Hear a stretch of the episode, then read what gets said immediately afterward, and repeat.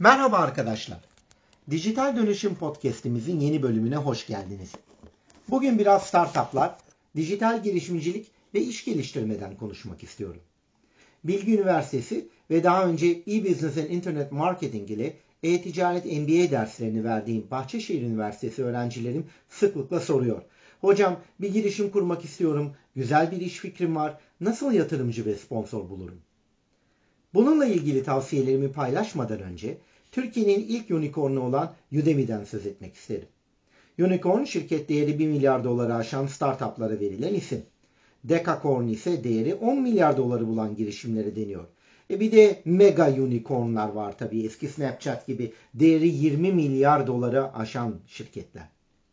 20 Şubat'ta ODTÜ Teknokent çıkışlı ve San Francisco merkezli online eğitim platformu Udemy 50 milyon dolar yatırım alarak 2 milyar dolarlık bir şirket oldu. Böylece ilk Türk Unicorn'u ünvanını aldı. Tebrikler Udemy. Teknokentlerin iyi yönetilmesiyle başarı, başarılı girişimler arasındaki ilişkiyi ayrıca tartışabiliriz. Bugünkü konum başka. Yeni bir iş kurmak istiyorsanız şunlara dikkat edebilirsiniz. İş fikri çok değerlidir ama fikrinize aşık olmayın. Bu dünyada herkesin bir fikri var ve akıllar pazara çıkınca herkes çıkmış yine kendi aklını satın almış. Önemli olan iş fikrinizi işe yarar bir modele dönüştürmektir. Bu konudaki ana beceri açığı uygulama deneyimi eksikliğidir. Bu açığı kapatalım. İş fikrini hemen uygulanabilir bir iş modeline dökmek demek, işinizin nasıl işleyeceğini önceden tasarlamak demektir. Öncelik pazar değerlemesi ve pazarlama değerlemesi olmalı ki bunların ayrımına ayrıca değinir. Tasarlamak ise bir işin nasıl işleyeceği ve işletileceğini akış şemasıyla tıpkı IEEE mühendisi elektrik tablosu gibi çizmek demek. Örneğin restorana kapıdan girdim. Akıllı telefonla nasıl sipariş vereceğim?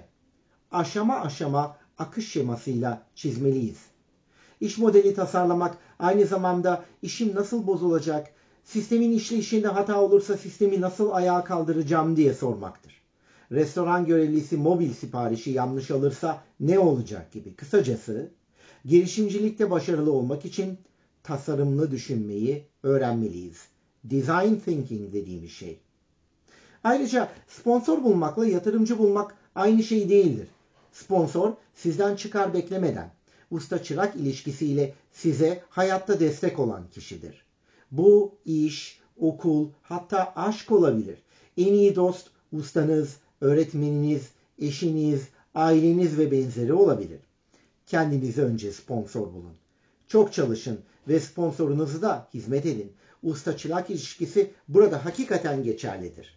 Bunun için de insanlara önce çıkar amacıyla değil, iyilik yapmak için yaklaşmanız gerekiyor. Ama girişimler önünde sonunda ticari işlerdir. Dolayısıyla girişiminiz için doğru yatırımcıyı bulmayı da öğrenin. Eğer bir yatırımcıya ihtiyacınız varsa. Yatırımcı bulmada girişimcilerdeki önemli bir beceri açığıdır. Networking yaparken buna dikkat edebilirsiniz.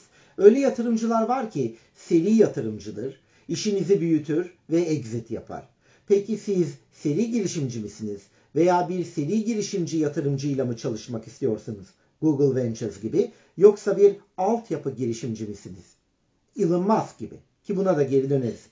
Bazı yatırımcıların ise ilk bakışta sadece adı yatırımcıdır. Bunlar para verdikten sonra girişimin gidişatını hiç merak etmezler. Sadece tahsil günü yatırım getirisini almak isterler. Başarısız girişimcilere şaşırırlar. Bu anlamda yatırımcıların iyisi kötüsü yoktur da diyebiliriz. Girişiminiz için doğru finansman yöntemini seçmelisiniz. Sonuçta birçok yatırımcı girişiminiz ayağa kalkınca ya ortak olmak ister, ya halka arz olmanızı ya da parasını geri ister. Şirketinizi kurarken iş geliştirmeyi de baştan tasarlamalısınız. Bir şirket 3 ayda hızlandırma aşamasına gelemezse onu daha sonra hızlandırmak zor olabilir. Bu konular tabii ki iki kelimeye sığmaz. Ben de şunu ekleyerek sözlerimi sonlandırmak istiyorum. Dijital girişimcilik ve iş geliştirme yapmak istiyorsanız ana gelir kaynağı ve ana işinizin ne olacağına iyi karar verin. Nerede dış kaynak kullanacağınızı bilin. Rakiplerinizin de nereden para kazandığını bilin. Örneğin Amazon dünyanın en büyük e-ticaret şirketi midir? Hayır. En büyük lojistik şirketi midir? Belki öyledir ama yine hayır. Amazon'un asıl gelir kaynağı yatırım fonlarıdır. Keza Netflix bir akış TV'si midir? Hayır. Netflix dünyanın en büyük veri toplayıcılarından biridir. Airbnb'ye gelince yok efendim hiç emlak olmadan dünyanın en büyük emlakçısıymış, konaklama şirketiymiş. Geçiniz. Airbnb uçtan uca dijitaldir. Hadi bunu da siz yanıtlayın.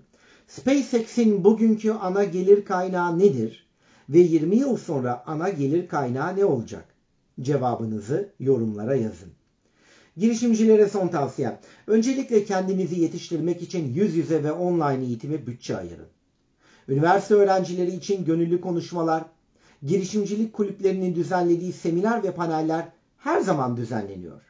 Ancak öğrenciler iş bulmaktaki beceri açığı problemini çözecek olan eğitimlere de bütçe ayırırsa kendilerine yatırım yapmış olacaklar.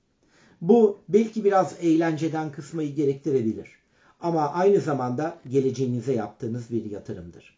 Bunun dışında kendinize inanın ve kendinize güvenin. İşinizi severek yapın ve tutkularınızın peşinden koşun. İşiniz kişisel gelişim ve kariyerinizin organik bir parçası olmalı. Siz de tutkuların peşinden koşarak mutlu olun yazısını Kozan Demircan blogunda okuyabilirsiniz. Hepinize başarılar dilerim. Podcast'te takipte kalın.